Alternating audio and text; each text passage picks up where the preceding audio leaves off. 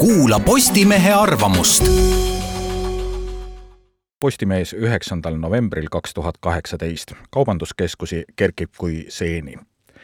Poola kirjanik Stanislav Lem on öelnud, tulime vangilaagrist ja sattusime kaubanduskeskusesse kui veel kolmkümmend aastat tagasi olid poodides tühjad riiulid, siis nüüd on justkui kogu maailm üks suur kaubanduskeskus. meil on juba ammu piisavalt kaubanduspindu selleks, et kõik eestlased neisse mugavalt ära mahutada.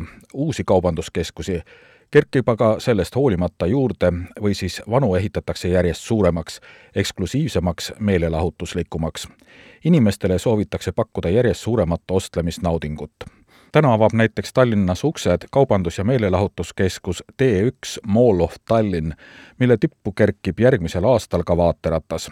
põhjalik renoveerimine on käimas ka praegu Tallinna populaarseimas kaubanduskeskuses Ülemistes, kerkimas on ka uus Porto Franco keskus, pidevalt räägitakse ka sellest, et kohe tuleb IKEA Eesti turule.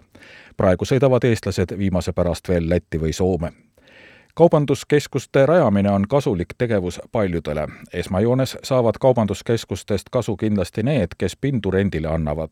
kuid see pole kõik. iga uus kaubanduskeskus tähendab uusi töökohti ja mida suurem pood, seda suurem töökohtade valik. müüjad, ettekandjad, transporditöölised, kinosaalide teenindajad, turvamehed iseenesest pole see ju sugugi paha, enamik firmasid hakkab tööjõudu otsima juba siis, kui keskus lõpuni ehitatudki pole kasu on ka kliendile, sest kaubanduskeskuste külastamine säästab aega. oma asjadega on palju lihtsam toime tulla, kui toiduasjad ja riided saab osta samast kohast, kus on näiteks võimalik ka teha trenni, lõunat süüa või lapsega kinos käia.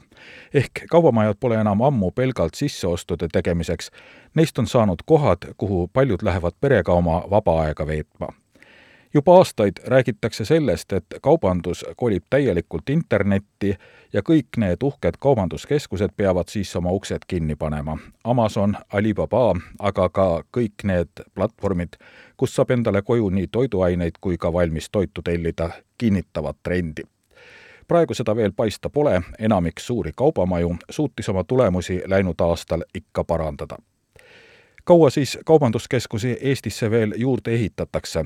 ilmselt nii kaua, kuni eestlased tahavad järjest rohkem ja rohkem tarbida ning mugavat meelelahutust.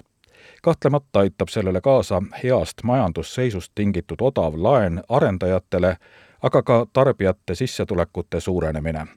mingil hetkel tuleb aga piir ette, sest lõpmatult inimesi lettide ette ja taha ei jätku. pinnale jäävad kõige uhkemad ja meelelahutuslikumad keskused